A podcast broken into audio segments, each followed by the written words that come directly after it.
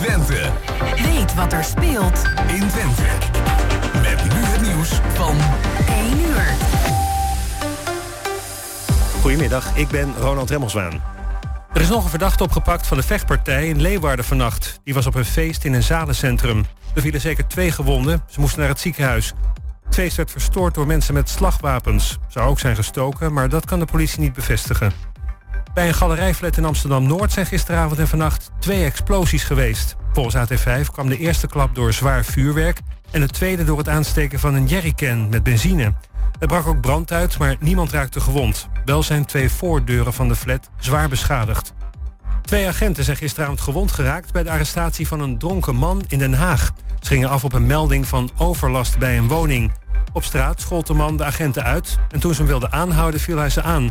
Daarbij liepen ze lichte verwondingen op. De man is alsnog opgepakt. En het loont voor mensen met een variabel energiecontract... om vanmiddag de wasmachine aan te zetten of de auto op te laden.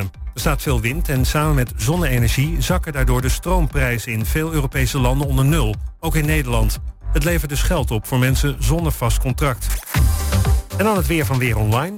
Vanmiddag neemt de harde wind af. Verder wolken, zon en een bui bij 20 tot 24 graden. Morgen weinig verandering. En tot zover het ANP-nieuws.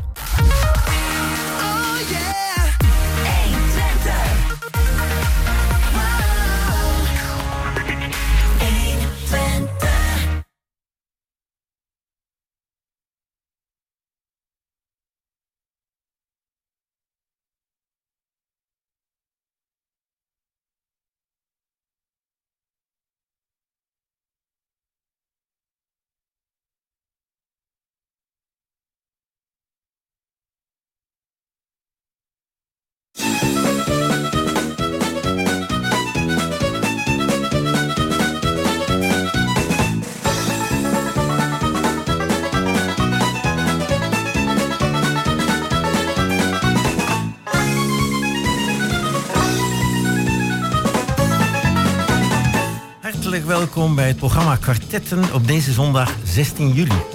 De gasten zijn vandaag Mariska Teneu, eh, Lucas Schoonhoven en Herman Nagelmaker. De techniek doet vandaag Peter Jan Schonen en de gespreksleider is Eddy Pardijs. Allemaal eh, hartelijk welkom, fijn dat jullie er zijn. En eh, nou, Mariska, misschien wil je jezelf even voorstellen. Jazeker, dat doe ik graag. Uh, Mariska Teneel, uh, 51 jaar, geboren en getogen in Hengelo. Ik durf te zeggen dat ik uh, elke steen in deze stad zo'n beetje ken. ruim 12 jaar gemeenteraadslid geweest, daarna 12 jaar wethouder. En op dit moment vooral landelijk actief. Oké, okay. Lucas? Lucas Schoonhoven, ik woon niet zo lang in Hengelo, maar ben wel 62. Ik ken Hengelo ook al langzamerhand vrij aardig. Ik zit nog steeds in de plaatselijke politiek namens D66 ben een tijdje lang collega van de vorige spreker geweest. Dat was een grote eer. En uh, ik ben al 27 jaar af en toe gast in kwartetten. Ja, Herman. ja, ja, maar ik ben Herman nagemaakt. Ik kan er niet tegenop, hè, Lucas. ik weet wel dat ik ook al een paar jaar meedoe met kwartetten. Ik ben uh, 67 pensionader en ik kom uit de bloemen- en plantenwereld.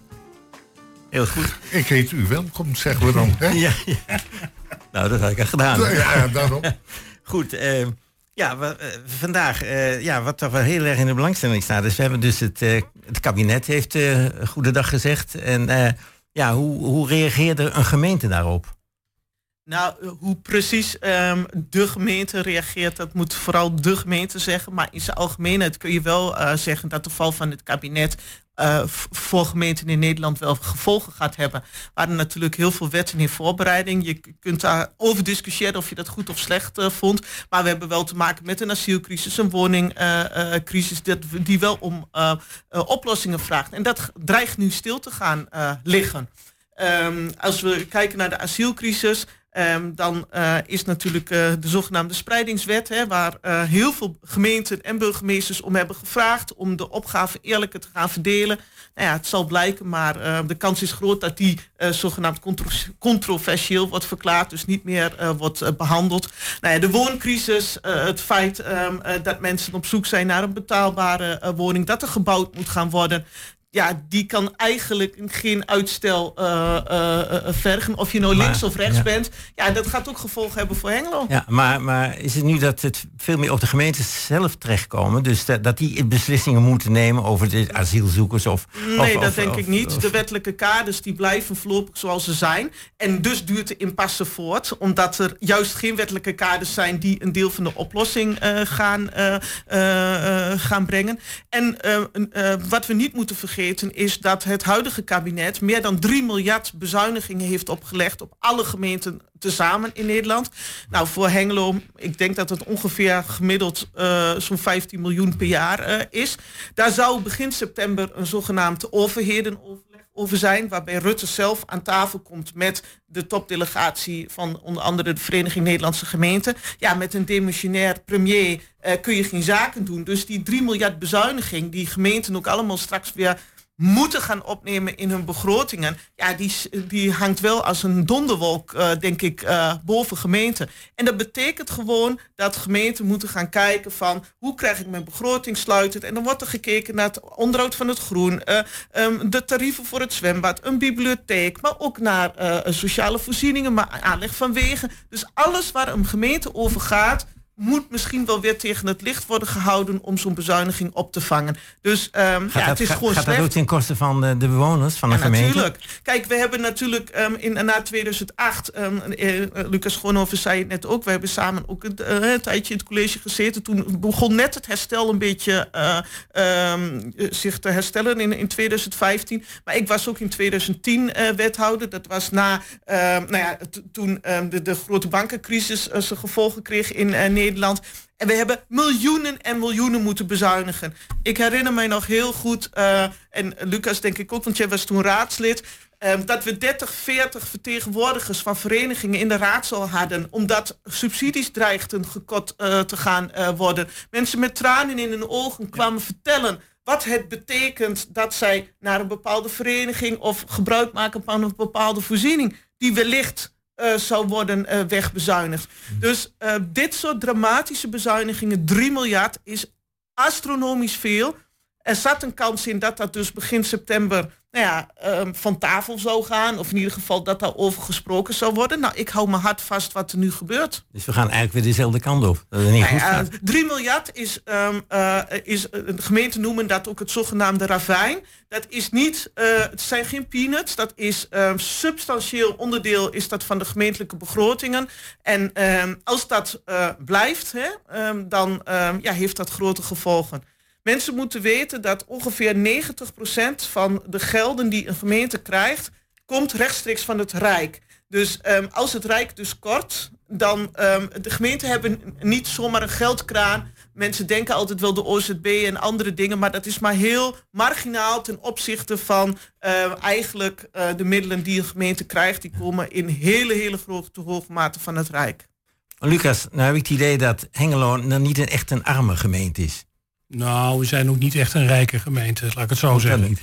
We zeggen altijd van we zijn de meest chique grote gemeente van Twente, maar oké. Okay.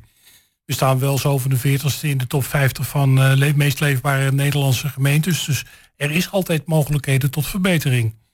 Uh, veel van wat Mariska zei, zoals altijd, klopt. als een bus.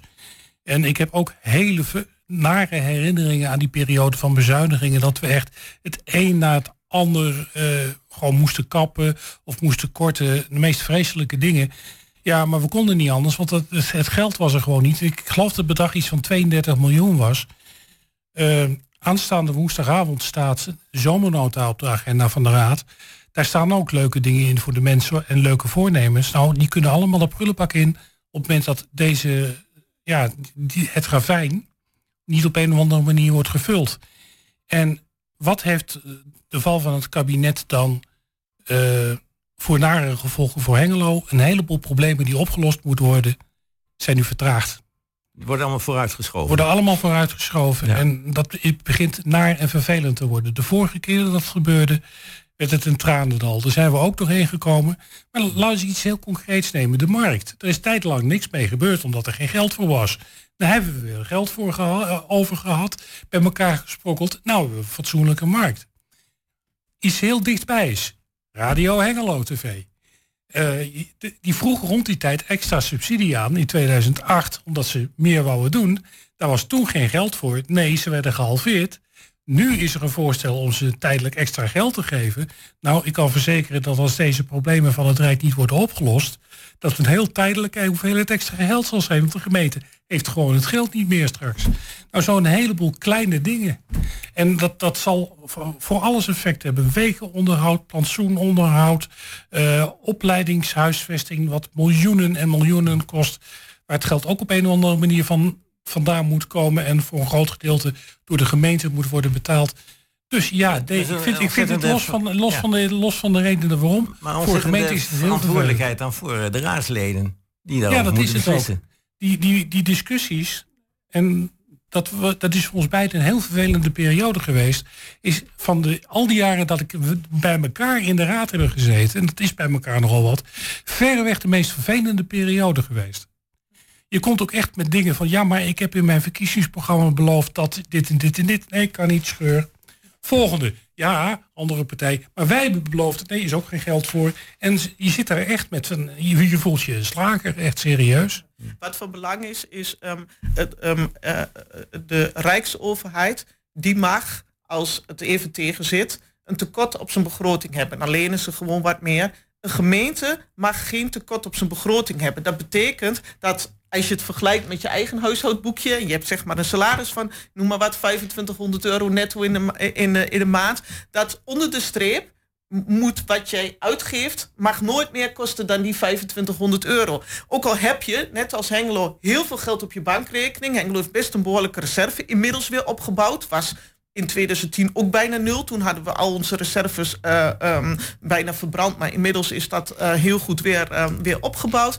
Maar wat je uh, dus ziet is dat zo'n gemeente moet de structurele uitgaven altijd kunnen dekken van de inkomsten die die krijgt. En dus niet zeggen, ach ik heb nog wel 10 miljoen op een, een bankrekening staan. Voor dit jaar dek ik dat daar even uit en dan volgend jaar kijken we weer verder. Dat mag dus niet. Maar dan krijg je dus, dan word je een artikel 12 gemeente. Dan. Nou, dat is wel heel ver weg. Ik denk ook dat dat een gemeenteraad eh, want er is in Nederland volgens mij op dit moment één artikel 12 gemeente nog steeds, dat is Vlissingen. Die hebben ooit ehm, ook uh, risico's uh, genomen die ze ook echt niet konden dragen. Vergis je niet in wat dat betekent.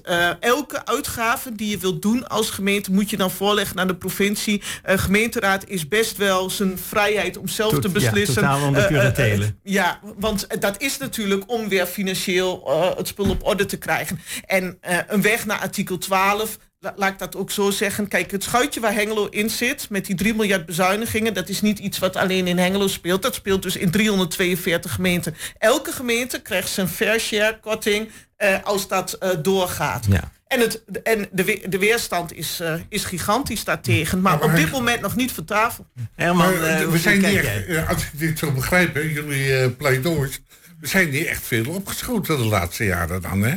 Nou ja, als weer, weer de periode van we hebben niks. Nu komt weer een periode, we hebben niks. We krijgen niks. We, en we krijgen niks en we kunnen niks. Als je het mij dus echt persoonlijk vraagt... Ja, zo komt het bij mij over, hè? Als het uh, politiek, en Lucas zal daar anders over denken... want die is van een andere politieke nou, kleur. Maar als ik bedenk dat er in maart uh, um, 2000... Uh, wanneer was het? 21 zijn de verkiezingen geweest. Ja. Toen zijn, is er tien maanden overeen geweest... met allerlei soaps om een kabinet te formuleren. Daarvoor hebben ze ook al vijf, vier, vijf maanden niks gedaan... want toen was het kabinet ja. gevallen. Dus toen gebeurde er ook al niks. Dit kabinet zit nu een jaar en, en vier maanden. Ligt weer dood voor de pot. November, een jaar. november pas verkiezingen, 22 november. Nou, met de ingewikkelde uitslag die er wellicht gaat komen, weer een half jaar. Alles met elkaar. Uh, um, en we hebben net gezegd hoeveel crisis er zijn die eigenlijk met vaart ja. opgepakt moeten worden. Nou. ligt het gewoon stil. Zoals je wat schoon En je gaat geen kant op, dus. Ik ben het met je eens. Nou, fijn. Ja, nou dat schiet lekker op. Maar als, we, dan, als, als we dan met z'n vier eens zijn, kunnen we gaan kaarten of zo. Weet je? Maar, onder, maar, ondertussen is het wel zo dat het, we krijgen allerlei druk op die, de energiecrisis bij wijze van spreken. Uh, er wordt van, van allerlei instanties en, en uh, wordt er druk opgelegd van doe wat aan die, aan die crisis, ja, aan die energiecrisis. Het nieuws, wij keken elkaar net aan. Um, doordat het op dit moment zo hard waait en er veel zonkracht is. Kijk eens, we hebben genoeg. Daalt de energieprijs tot onder nul. En er werd gesuggereerd dat mensen die dus uh, die panelen hebben, je moet geld toegeven om het straks terug te kunnen leveren op het net. Ja, het is toch... Het is van de zot hoor. Ik ben heel eerlijk. Het is totaal van de zot. Denken we dan niet na? Of, of gaan we... Nee, nee, maar dit zijn van die luchtballonnen die... Uh, als, ik van een andere partij zou zijn, zou zeggen... dit zijn de gevolgen van een doorgeslagen marswerking. maar ik ben niet van die partij en deze problemen komen op. Maar ik, ik bedoel, dus ze waren ook van plan om op bovenop mijn huurwoning vier zonnepanelen te installeren. En ik ben nog steeds voor hoor. Maar goed, oké. Okay, nou, ik kan je rustig stellen. Ik heb er maar zes. In een hele kleine huisje. Maar het heeft wel voordelen. Ja, het heeft ook voordelen. Ik, voel het zelf ook. Ja, je hebt ook zonnepanelen. Nee, dus, maar er uh, komt een moment dat iedereen zo, zo, zonnepanelen heeft. En dan zeggen ze, hé, hey, wacht even. Daar, we hebben weer een melkkoe erbij. Hup. Ja, nee. Dat... En daar kun je op wachten. Dus net toch met huizen. Iedereen moet zijn huis kopen. Ja. Nou. Wat is er gebeurd? OZB, en maakt niet uit wat. Het wordt weer een melkkoe. Nou ja, je, ja. De elektrische auto gaat helemaal in de puin hoor. Want heel veel mensen gaan weer terug naar een hybride. Zo niet naar gewoon benzine. Ik vind het zelf gewoon heel, heel lastig welke kant het op gaat. En um, um, wat ik vooral lastig vind, ik spreek best wel veel mensen die ook in, nou, in huurwoningen uh, wonen, die, uh, waar de coöperatie um, natuurlijk verantwoordelijk is voor het uh, onderhoud aan de woningen. Da waar ze ook een heel programma op hebben gezet welke woning is wanneer aan de beurt. Maar daarmee kunnen mensen ook pas echt wat aan hun energielasten doen. Dat is natuurlijk heel wat anders als je een koopwoning hebt. Ligt er ook nog aan of, of je de middelen hebt. Maar er zijn natuurlijk ook huurders die hebben op een gegeven moment uh, hun huis uh, gekocht. Uh, worden nu ook geconfronteerd met behoorlijke investeringen die ze moeten doen, waar ze soms niet meer op hadden gerekend. Ik vind die hele betaalbaarheid hè, van de energietransformatie, ja. die moet um, um, met stip bovenaan blijven staan. Want als um, mensen niet ook zien in hun portemonnee, ook al dat, dat ze het ook kunnen dragen en ja. dat het op relatief korte termijn ook ergens toe leidt, nou ja, dan vrees ik dat we nog heel, heel verder afzitten hoor. Je kunt gewoon niet van mensen vragen diepe investeringen te doen als ze geen, eet, geen geld hebben om vreten te kopen of ander, anderszins. Dat, dat gaat gewoon niet. Dus daar zul je een goede balans in moeten gaan vinden. Maar ja, ondertussen is nog steeds de druk. We moeten allemaal van het gas af. Ja. Dus daar moeten wel alternatieven komen. In Duitsland wordt het gepromoot ja. over de grens. Ja. ja. sorry, ben ik dan van Jantje of van Pietje? Ja. Dat begrijp je toch niet? Lucas, kan jij nee, je, je, bent, je bent iemand met een gewaardeerde mening, maar... Dankjewel, uh, Lucas. Nee, maar... Goed, maar dat is er één taboe. In Nederland wordt veel te sterk gedacht in taboes. Ik vind die discussie over kleine kerkcentrales best wel aan hoor. Dat is, die is verwant. Er is een partij in Hengelo, niet een van de hier aan tafel zittende, die dat ook uh, op de agenda Lo heeft gezet. Uh, Hengelo, lokaal Hengelo. Ja. Dus ik mag dat hier vrij inbrengen. Natuurlijk. En uh, nou, laten we het daar ook eens een keertje over hebben. De mogelijkheden van waterstof. als energiedrager kun je een heleboel mee doen. Er zijn ook een heleboel dingen die je er niet mee kan doen kan niet zomaar een vervanger van aardgas zijn bijvoorbeeld. Nou, laten we het daar eens een keertje over. Er zijn een heleboel dingen die... Uh, maar la, laat ik het aan de hand Willen we dat niet allemaal te snel? Nou, het, het, is ook een kwestie van hoe belangrijk is het en hebben we het ervoor over. Ik heb laatst een berekening gezien over het, uh, uh, de opwarming van de aarde, het hoeveelheid CO2. Het is technisch mogelijk om dat binnen de tien jaar op te lossen. Kost alleen de helft van het bruto nationaal product van de aarde. Is het de moeite waard? Nou, er komt een moment waarop het de moeite waard is, weet je. Hm. Alleen, overtuigt de mensen uh, er maar eens een keertje van dat ze het toch moeten doen. Maar je hebt dat te maken met de totale duur? Het heeft te maken, je hebt er apparaten voor nodig, ombouw van, uh, van de omgeving voor nodig. En dat kost gigantisch triljarden, triljarden, triljarden euro's. Die, die hebben we wel, alleen we geven het op dit moment uit aan andere dingen. Oké, okay. nou. Ja, wie, de, wie, maakt die keuze dan? Nou, ja. maar, maar, als je kijkt naar um, inkomens van mensen en zo, dan zie je natuurlijk wel dat de afgelopen jaren um, die, die, die, die segregatie groter is geworden tussen mensen die het goed hebben, oh. die ook de besluiten kunnen, kunnen nemen om extra zonnepanelen, om zich in te kopen in een energiecoöperatie, uh, om dus um, te doen wat wellicht heel verstandig is voor de aarde, voor je portemonnee, voor de verduurzaming.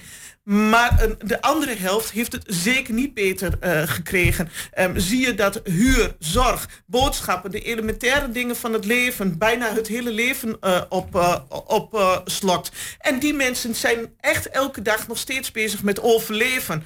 En die kunnen dat soort keuzes niet maken. Als je elke dag weer moet denken, kan ik wel warm eten of zal ik maar weer een, een, een boterham uh, kopen? En, en dat verschil is in Nederland toegenomen. En dat maakt ook dat de draagvlak voor energietransities bij de ene groep van de bevolking, maar die had waarschijnlijk ook al voordat de hele Oekraïne-crisis begon, hadden die al zonnepanelen. Maar de andere helft, die is daar gewoon in zijn hoofd niet aan toe.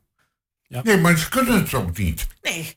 Nee, maar ook, ook al um, um, zou het misschien kunnen als jij de hele dag nog bezig bent over een eigen, met alle respect, hè, een eigen risico van 380 euro in de zorg. En je moet nagaan denken, ga ik wel of niet uh, naar de huisarts toe, want ik ben bang dat hij mij doorstuurt en dan krijg ik weer 60 euro uh, van een laboratoriumonderzoek. Mensen die absoluut niet meer naar de tandarts gaan. Uh, dat is dramatisch met alle gevolgen van, van dien. Dat is gewoon het dag en nacht overleven. Ja. En ben jij dan bezig met het leggen van zonnepanelen om, of om te kijken hoe je jouw energiedingen kunt uh, verlagen? Ik denk het niet. Nee, die zijn problemen met alle reclame naar opgelost. Ja. En die problemen worden door dit soort dingen allemaal ook niet opgelost. Maar ik ben bang dat wat voor een coalitie er hierna komt. Nederland is zo ongelooflijk versplinterd aan het raken. dat daarmee ook de kracht van een regering om problemen echt aan te pakken steeds kleiner wordt. Ja, maar uh, twee weken geleden of anderhalve week geleden, net voor het kabinet viel, kwam er natuurlijk een, een groot rapport uit over de hoogte van het sociaal minimum. Uh, dat dat uh, behoorlijk omhoog zou moeten om mensen, wat ik net zei, het, het standje overleven, iets mm. adem te geven. Ook dat ligt natuurlijk nu op zijn gat. Want daar zou ook begin september eventueel nog een, uh, een begrotingsonderhandeling, gesprek over zijn. Uh, dat ligt natuurlijk uh, nu dood, dood, voor de pot.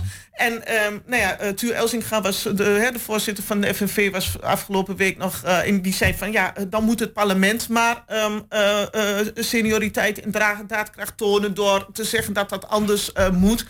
Nou, ik ben benieuwd, zo vlak voor de verkiezingen, wat ze gaan doen. Ja, ik, ik, denk dat daar niet heel veel uit gaat komen, dat dat verschoven wordt tot daarna. Maar dit zijn hele elementaire dingen die om oplossingen vragen, die wetenschappelijk ook zijn aangetoond door onder andere het Nibudent SCP, et cetera, dat mensen niet, niet meer verder kunnen. En het raakt ook, laten we dat gewoon helder zijn, ook hier in Hengelo is 10 tot 15 procent van onze inwoners leeft van een inkomen waardoor het SCP gewoon gezegd is van dat is niet toereikend. Nee. Is het zo weinig? Ik heb het gevoel dat het steeds meer wordt. Ja, nou, het wordt wel meer, maar... Ja, kijk, nee, neem het serieus. Het schattingen ja. van de SCP natuurlijk, ja. En kijk je er niet op, dan krijg je ook het verschijnsel stille armoede. Een heleboel mensen lopen niet te koop met het feit dat ze niet rondkomen, hoor. Nee, echt niet. Nee, nou, daar weet ik iets meer van, eh, omdat ik voor de zonnebloem dingen doe. Mhm. En dan vraag ik, we doen elke maand een uitje maken. En dan vraag ik ook altijd aan onze eh, vrijwilligers. Ja. Jongens, als jullie iets merken, zeg het, ons. Maar het probleem wat Marika schetst, is al tientallen jaren bekend dat in Nederland de verkeerde kant uitgaat. En iedere keer dat men er wat probeert aan te doen, eh, er, er worden wel maatregelen genomen, maar dat zijn allemaal uh, plakketjes op een lekker fietsband. Maar dat was natuurlijk, heb ik ook altijd gezegd in de periode dat ik wethouder was. Hè, dan, ik was onder andere van sociale zaken en armoedebeleid. En kreeg je bijvoorbeeld echt best wel miljoenen extra voor de bestrijding van kinderarmoede.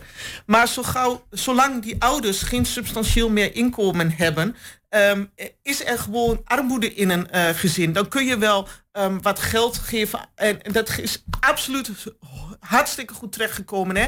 Want ik heb uh, mensen bij me gehad met tranen in de ogen... die voor het eerst in vijf jaar weer uh, naar een winkel konden... om een nieuwe winterjas voor een kind te kopen. Of schoenen die pasten. Hè? De, ja. Dat soort dingen. Dus uh, no doubt about dat dat best goed is terechtgekomen. Maar het zijn pleisters uh, uh, uh, plakken. Als er in zo'n gezin elke week moet worden overleefd... om te kijken, kun je wel fatsoenlijk koken?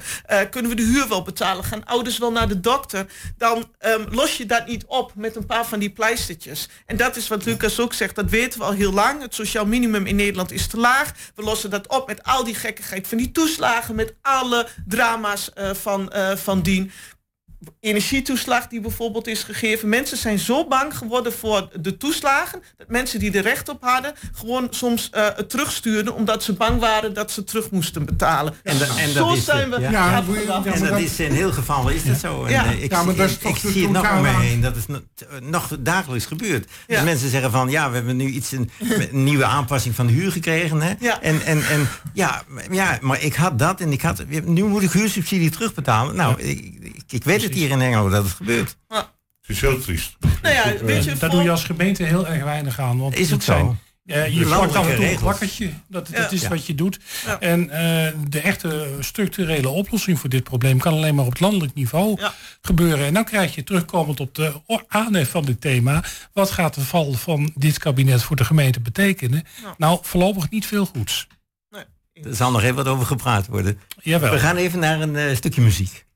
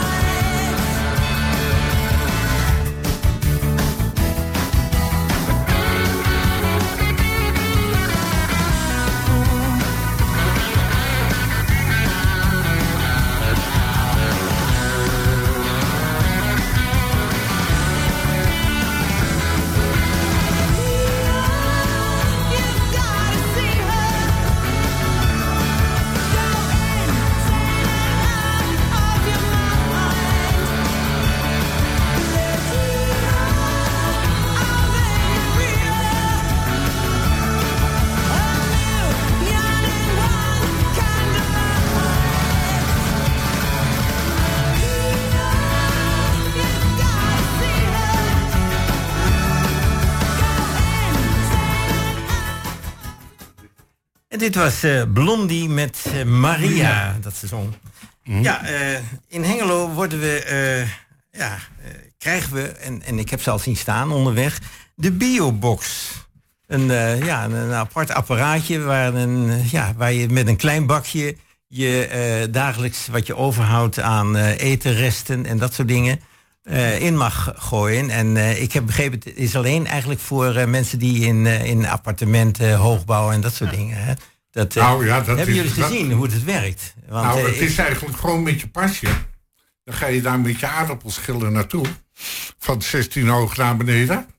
En dan dump je dat erin en dan kost je dat 8 cent is voor de, men, de laagbouw uh, heeft over het algemeen een GFT-container. Ja, ja. En, uh, en, daar betaal je ook voor als je die aan straat uh, zet. De hoogbouw heeft die nooit gehad. En nou ja, dat uh, is in toenemende mate is gezegd dat kan eigenlijk niet. Want dat betekent dat mensen hun groenafval. Ze hebben natuurlijk geen tuin over het algemeen, maar wel uh, etensresten en ander groente- en fruitafval. bloemetje en zo. Dat soort dingen. Dat uh, moesten ze dan noodgedwongen bij het restafval doen. Wat relatief duurder is natuurlijk als je dat ja, aanbiedt. Wacht, wacht even. ik, er kwam ook tenminste. Bio, ja, in een aantal wijken was de, de, de, de, de voedselfiets. Ja, maar dat, was de, de, de, de voedselfiets. Maar dat was maar in een heel beperkt beperkt aantal uh, wijken. En daar is een pilot mee uh, gedraaid. Nou, daarvan is gezegd, voor zover ik weet, um, dat die niet schaalbaar is naar de hele, hele stad. Dus dat betekent dat er nu toch een systeem moest komen uh, wat voor alle mensen in de hoogbouw dan ook um, uitvoerbaar zou zijn. En dat zijn dus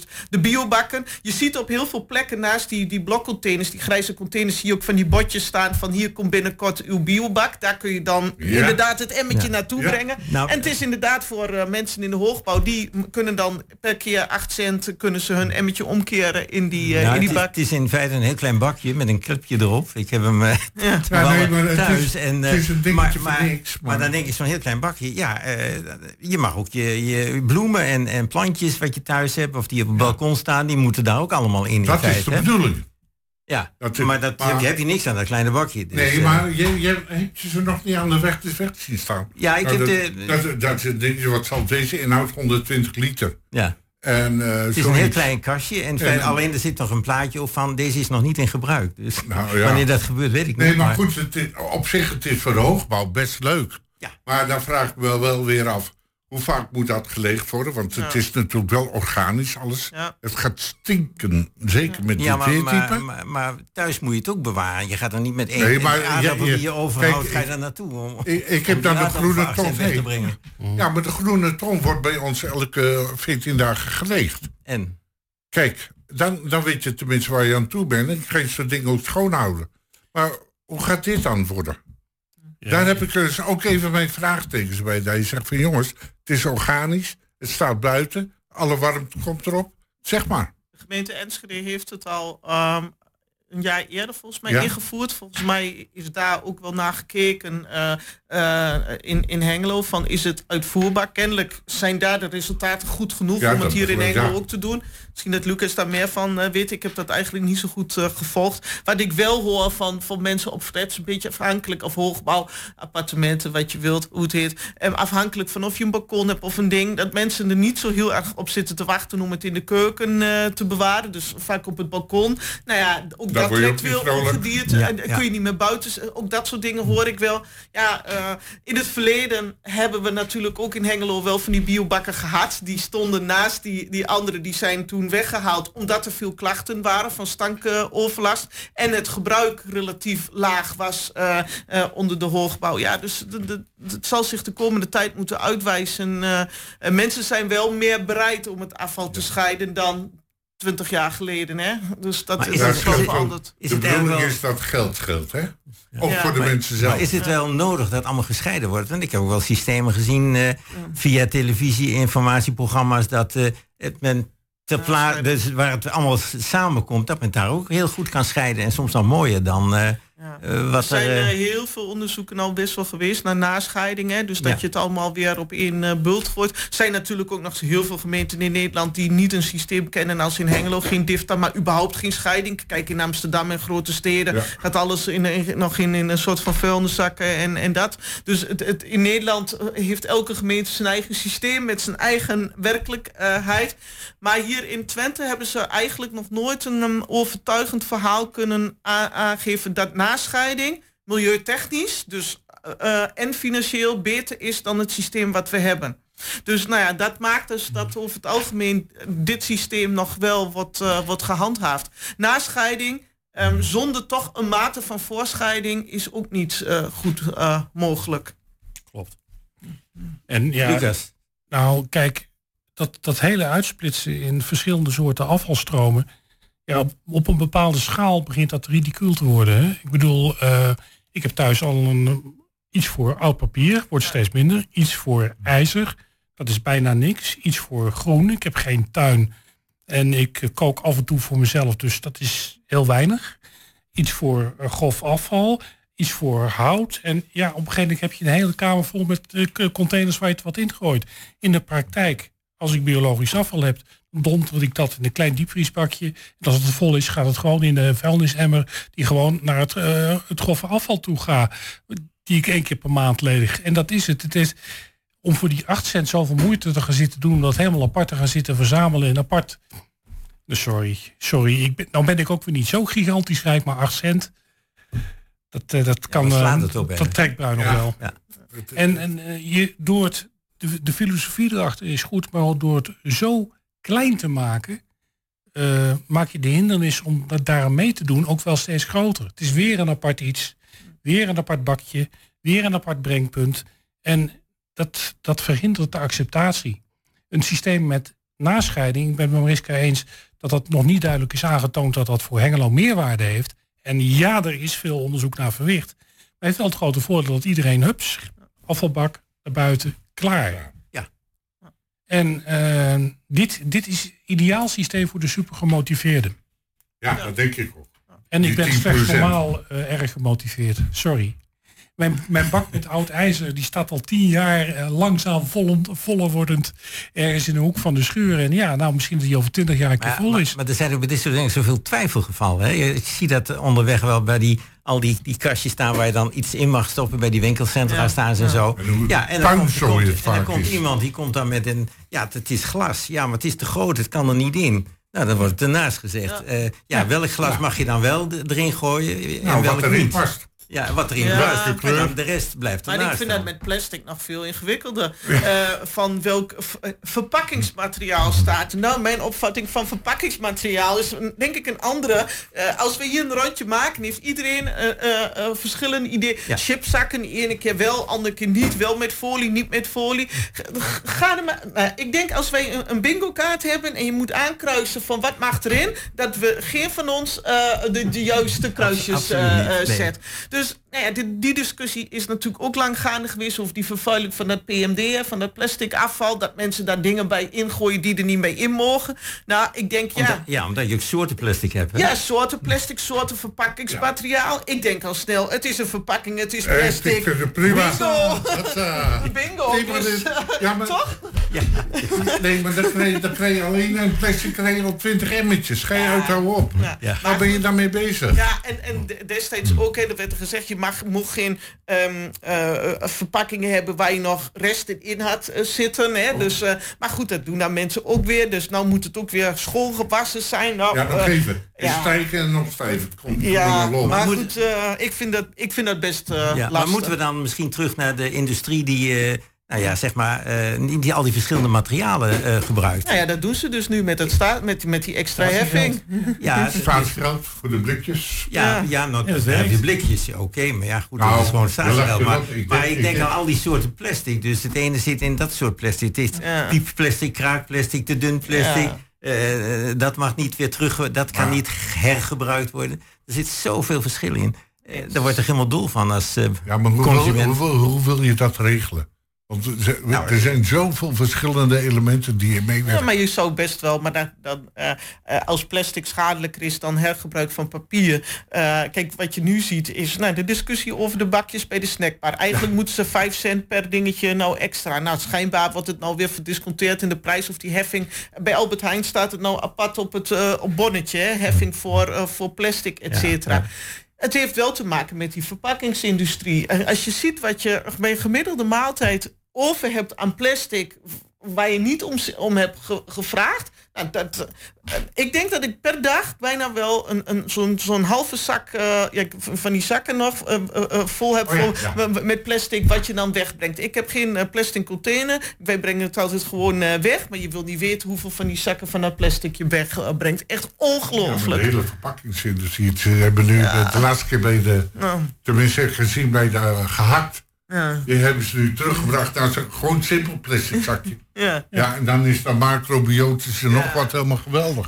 Ja, sorry hoor, maar... Maar ja, weet je nou, tenminste, ik weet niet hoe jullie dat ervaren bij de supermarkt... met al die blikjes en die dingen. Dat mensen daar echt met, met tassen voor aankomen. En dan is de eerste automaat en dan nou, je moet bijna gaan plannen wanneer je naar de supermarkt gaat. Dat je daar niet weet hoe lang voor die domme automaat Gistermiddag op de Slangenbeek. Ja, en, en, en, dan zit er een flesje tussen die je niet accepteert. Die komt weer terug. Ja, ja wat doe je ermee? Eh, zet je hem er dan bij? Of denk je, hm, mijn ik, ik neem hem wel mee terug. Maar dat is voor die supermarkten natuurlijk ook. Een, een, Ze zijn allemaal meer werk. Ah joh. Ja. Maar moet, moet je kijken wat voor een opslag ze achter moeten hebben om dat allemaal te sorteren is zo. Ja, en dat kost vierkante meters en ergens moet dat weer opgebracht worden. Dus... Ik weet het niet, maar ik, ik, ik, verbaas me er wel over. Maar ook die kleine lettertjes dat je moet kijken, zit hier nou wel of geen statiegeld uh, op? Heel klein en blind. Ah, man. ja. Als je plusklaas hebt, gaat het best goed. Vind ik. Ja, die heb ik. ik heb laatst een nieuwe uitvinding gezien, een blikpletmachine. Oh. Waar je blik in doet en dan wordt er een mooi plat ding van gemaakt. Dan neemt hij minder ruimte in. Ja, daar is markt voor nu. Ja, nou, ja. Oh, ik dacht een kunst... Uh, ja. Ja, die kunstwerk gemaakt. Kunstwerken van maar. Maar ik ben heel benieuwd dus hoe de eh, bewoners van, uh, van de appartementen en de flats die biobak gaan ervaren. Uh, misschien is over een half jaar gewoon eens wat gebruikers uitnodigen van hoe doen jullie dat nu? Hè? Moeten we ja, gaan ik kijken ben er wel heel benieuwd naar. We moeten echt gaan kijken van hoe het gaat werken. Maar wij gaan nog even naar een muziekje. Leuk.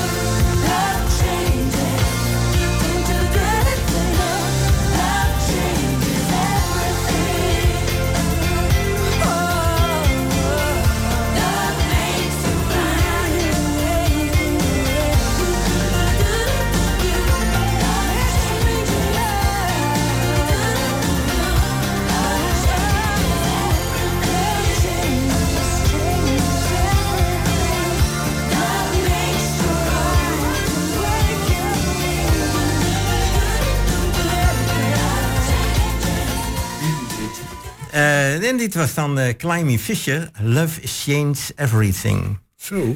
Ja, uh, leuk. Ja, dat is ook zo natuurlijk. Uh, ik zie hier op ons briefje staan Index Filtrations. Uh, dat bedrijf dat al gebouwd wordt. Alleen het schijnt nog geen vergunning te hebben om water en wat vooral veel water nodig hebben om dat te mogen onttrekken. Lucas, ja, jij als gemeenteraadslid, hoe, hoe, hoe, hoe beleef je dat? Vertel. Als een puinhoop. Toch wel? Ja, nee. Hoe komt dat? Ehm, nou, om te beginnen, het gaat hier om een complex iets. Laten we in te beginnen is beginnen met de, het feit dat er in Twente op Twentse schaal gewoon gebrek aan bruikbaar water is. Dat is een probleem wat niet alleen Hengelo heeft, maar het, dus, maar het betekent wel dat als je ergens iets neerzet wat veel water nodig heeft, je er wel een verdomd goede reden voor moet hebben, want anders kom je in de problemen met andere dingen om een voorbeeld te noemen, op het moment dat je NX Filtration ergens neerzet op een plaats waar ze veel water aan de grond gaan onttrekken, dan gaat het ten koste van hetgene wat er omheen zit. De bomen op het gebied van NX Filtration. De natuur dus. Ja. De natuur. Nou ja, oké, goed. En nu krijgen we een, een, hele circus van experts, de provincie die er een rol in speelt, de gemeente die er een rol in speelt van, had die vergunning überhaupt wel verleend moeten worden? En dat gaat nog wel even duren, dat circus. En natuurlijk de waterleidingmaatschappij. Ja, Vitens en, uh, en het waterschap hebben ook nog een, uh, een rol.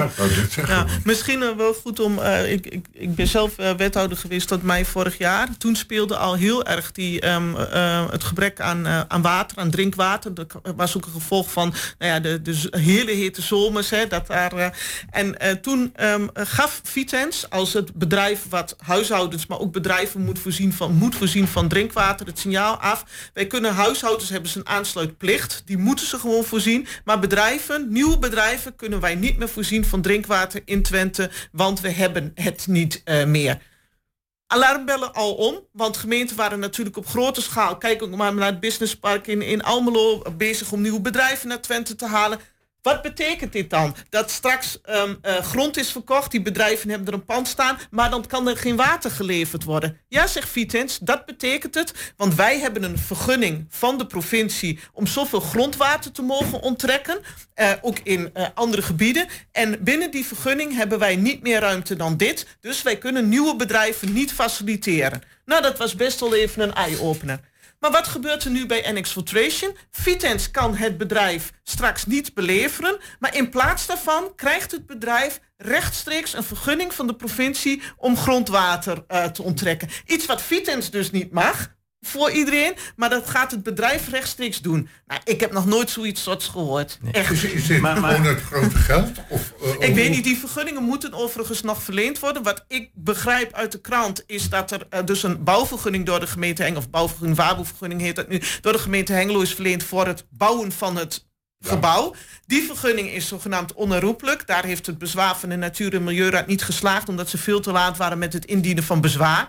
Maar ik vind dat nog. Uh, kijk, de Natuur- en Milieuraad heeft pas eigenlijk in, in um, april, nee, eerder gezien, iets eerder gezien van um, welke grondwateronttrekking nodig zou zijn. Dus als dat niet nodig was geweest, had dat, hadden ze ja. misschien gezegd, laat me, uh, laat me gaan. Is dit, ja, is dit gewoon een, een, een, een informatietekort gekregen? Of, uh, nee. Maar je moet als natuurfirma moet je toch ook weten wat er aan de hand nee, nee, maar dus uh, de natuurvergunning en de, um, de watervergunning die moeten nog verleend worden door het waterschap en de provincie. En pas met die vergunningen kunnen ze, kan het bedrijf dus ook dat grondwater onttrekken en het pand, dus het gebouw, ook werkelijk gaan gebruiken. Dus ze hebben straks wel een pand wat legaal is gebouwd met een vergunning, maar ze hebben nog wel andere vergunningen nodig om het ook in gebruik te nemen. Nou, en als ik nu kijk naar de maatschappelijke discussie die er is, kan ik mij niet voorstellen dat daar geen uh, rechtbank aan te pas gaat komen om daar nog eens goed uh, naar te gaan kijken. Nou heb ik wel begrepen dat, uh, dat Vitens, de, de, de waterleidingmaatschappij, ja. die onttrekt het water heel diep. Hè? Dat, ja. dat komt ja. heel erg diep. En grondwater, wat tenminste wat ik dan zelf weet van, van de provincie, dat ja. die geeft bijvoorbeeld voor de eerste beste bronbemaling heb je al een vergunning nodig van de provincie om wat grondwater te onttrekken. Nou is de vraag van wat heeft dat in, in en exfiltration, wat hebben ze nodig? Hebben ze dat, dat, dat oppervlakte grondwater nodig, zeg maar? Of dat, hele diepe uh, schoonwater? Wat wij, ja, ja over, over, even voor mij, hè? Over hoeveel liter praten we dan per week, per dag? Ik heb... Heel veel volgens mij. Ja, dus heel veel. Ja, zou ik even moeten opzoeken. Maar nee, maar goed. Echt... Uh, Als zal die zegt, van, mhm. dat lukt ons nooit. Nee. Dan moet het wel echt veel wezen, lijkt me. Of... Ja, ja, is het ook.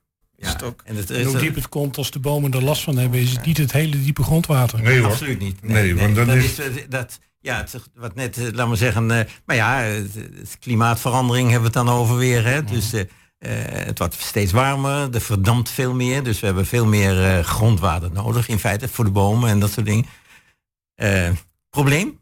Dit wordt vervolgd. Dit is een dossier dat nog wel even blijft bestaan.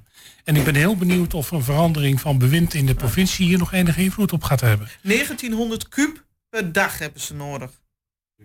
Zo. Lees ik hier. Dus 1 miljoen 900.000. En ze hebben 700.000 kub dus per jaar dan nodig, lees ik dat goed? Ja, ja per jaar is dat 700.800 kub. Dus dat is best veel. Dat praat je niet over vissenkom. Hè? Nee, niet. Nee, maar, nee, nee, dat is serieus. Uh, ja, serieus. Dit is, dit is, dit is, ja, waar, ga je de, waar ga je dat vandaan halen? Ja, dus kennelijk voor een deel... Ze krijgen geen wateraansluiting van Vitens, dus uit het, uh, uit het grondwater. Ja, het, ja het, het grondwater en, en misschien nog wat uit het Twentekanaal. Maar ja, dan zit je met het probleem van... Uh, als we droge periodes hebben, moet het Twentekanaal weer gevuld worden. Ja, en wat ik, wat ik zelf heel raar vind, maar goed, uh, is um, uh, dat er wordt gezegd, als dat dus gevolgen gaat hebben, ook voor de bomen, et cetera, dan gaan we die bomen bijwateren. En dan denk ik bij mezelf, hoe dan in vredesnaam? Nou, met dat gietertje. ja, we hebben, ja. ik zie dat al voor me. Ja. Nee, maar het is toch eigenlijk gewoon van de zotte, dat ja. dit gewoon kan. Ja. Ja, ik vind ook... Uh, hoe kijk je daar als, als raad tegen, als gemeenteraad nou, tegenaan? Er is ergens een beslissing genomen in het hele proces die te snel was of te weinig rekening hield met verkeerde belang, met, verschillende belangen. En ik ben wel heel erg benieuwd naar een analyse van het proces. Waar ergens is gezegd van dat moet per se doorgaan. Zonder dat we zeker weten dat het bedrijf aan voldoende water kan komen. En ik wil graag weten wie die beslissing genomen heeft. En waarom die beslissing genomen is. Is dat puur om uh, uh, bedrijf voor Hengelo leuk, gaaf. Of is het uh, specifiek dit bedrijf geweest dat die vergunning aanvroeg? Dat ze dachten van hey, dit bedrijf willen we precies hebben. Maar hoe is het mogelijk dat die beslissing genomen is zonder dat men rekening hield met die andere dingen? En dan neem ik het gemiddelde raadslid, wat ik nou ook weer niet ben, echt niet kwalijk dat ze niet alles kunnen overzien. Dat behoort het gezag te doen, de wethouder te doen, uh, de ambtenaren te doen die dit allemaal hebben voorbereid.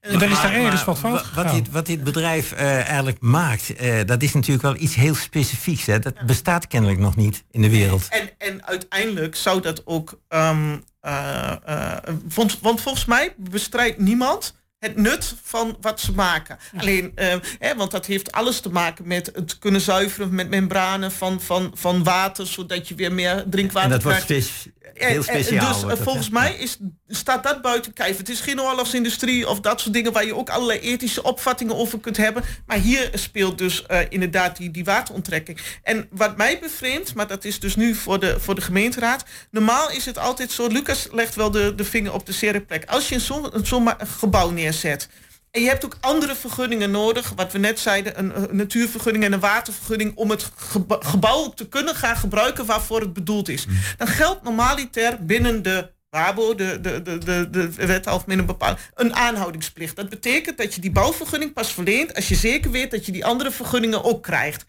Precies wat Lucas zegt. Dus nu is het andersom uh, Pas als je weet dat je dus ook dat water hebt, dan krijg je ook de bouwvergunning, want dan weet je dat je het gebouw kunt gaan gebruiken waarvoor het bedoeld is. Hier is die bouwvergunning dus verleend zonder dat er helder was of dat water, want die andere twee vergunningen moeten nog verstrekt worden. Die bouwvergunning is inmiddels dik onherroepelijk, ze bouwen uh, ook al. Maar dat bevreemdt mij. Hoe kan het? En die, die staat dus ook niet meer rechtelijk ter discussie, dus niemand die dat nog toetst. Maar het is precies deze vraag. Hoe kan het zijn dat die bouwvergunning is verleend zonder dat er gekeken is of die andere vergunningen ook verleend kunnen gaan worden? Nou, het is een beetje een rare, rare ja. Nou ja, en daar moet de raad zijn controlerende taak uh, in, in hebben. Ja, maar wie is daar uiteindelijk de hoofdverantwoordelijke voor? Een uh, is college. Een, is dat een college? Is dat een college? Is dat een college, ja. college, college verleent de vergunning. Uh, dus de, de bouwvergunning. En, um, en daar bestaat dus bezwaren beroep tegen. Maar goed, um, daarvan is gezegd van ja, dat is ja, iedereen heeft natuurlijk kunnen zien dat het bedrijf op een gegeven moment een bouwen was. Maar die publicatie heeft geen vuur getrokken. Omdat ieder, niemand daar die combinatie met die wateronttrekking zag. Dat bleek pas vier, vijf maanden daarna. En daar zie je iets wat.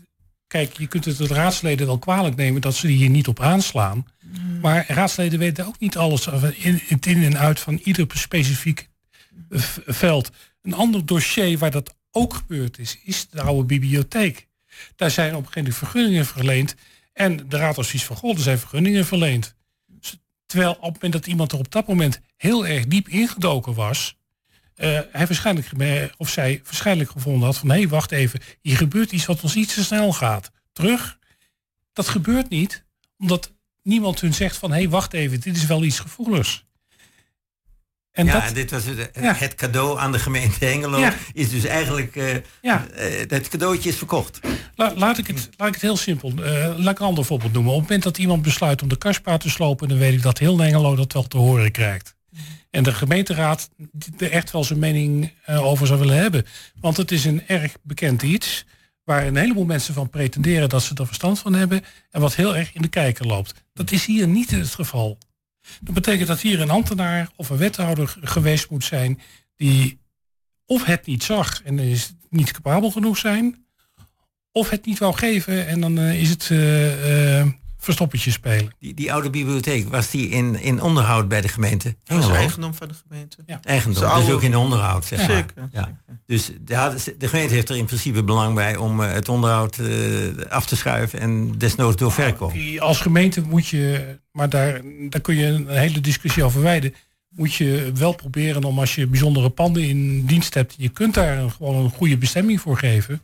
Die een beetje past bij het pand en nuttig is voor uh, de maatschappij. Dan moet je dat gewoon doen. Ja. Dat is, is altijd de eerste inzet geweest. Hè? Alle panden in bezit van de gemeente. Eerst kijken of de gemeente daar zelf een invulling aan heeft. Of, of een, een, een partner, een, een instelling die je subsidieert. Bij de Vondelstraat was dat er niet, en dan moet ik erbij zeggen, tegen een marktconforme huur. Maar kijk, dat is ook weer iets, daar kun je ook van alles uh, van vinden. Hè? Vind je dat je op een gegeven moment dit soort panden wel wilt behouden, maar dan um, het voor meer partijen mogelijk maakt om daar dan in te gaan zitten, door er een lagere huurprijs aan te hangen dan feitelijk ja, uh, is.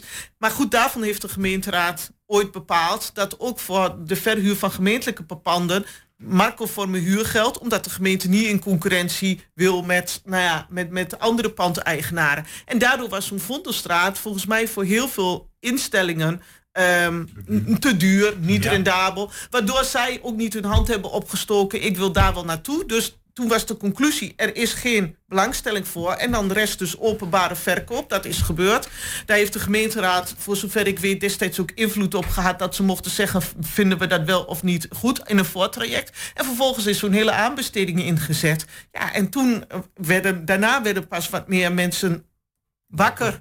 Ja. En dan ja. Uh, ja. om het oude gebouw in. Uh, nou ja, om in ieder geval meer ja, grenzen te stellen aan um, toekomst. Hè? Dus nu kon er ook woning in. Um, nu zeiden mensen van, nou, we hadden het wel uh, zo willen conserveren dat het per definitie een bestemming voor, voor maatschappelijke doeleinden zou houden. Maar goed, dat was te laat, omdat die aanbesteding uh, had een, andere, een ander concept uh, opgeleverd. We hebben vorige week, vorige week een hoorzitting een hoorzitting ja. gehad. Ja, bij de bezwarencommissie. ja, ja. En, uh, maar daar is nog geen uitslag over. Dat nee, dat duurt wel acht weken, tien ja. weken. Dat komt over na de vakantie, denk ik. Maar ik heb zelfs gehoord van organisaties die er dan de, sta, de Raad van State willen doorgaan. Hè? Ja, ja zo goed recht. Veel, veel, veel succes, zou ik zeggen. Ja. Ja. En dat, zo zit democratie in elkaar, dat mensen in beroep en hoger beroep kunnen gaan. Goed, eh, nou, we sluiten hier dan mee de uitzending af. De gasten waren Mariska van Heuw, Lucas Schoonhoven en Herman Nagelmaker. De techniek deed Peter Jan Schonen. De gasten werden uitgenodigd door Jos Klasinski. De organisatie was in handen van Emiel Urban. En uh, vandaag was ik uw gespreksleider, Eddie Pardijs. Ik wens uh, jullie allemaal nog een hele fijne zondag. Heel veel dank u.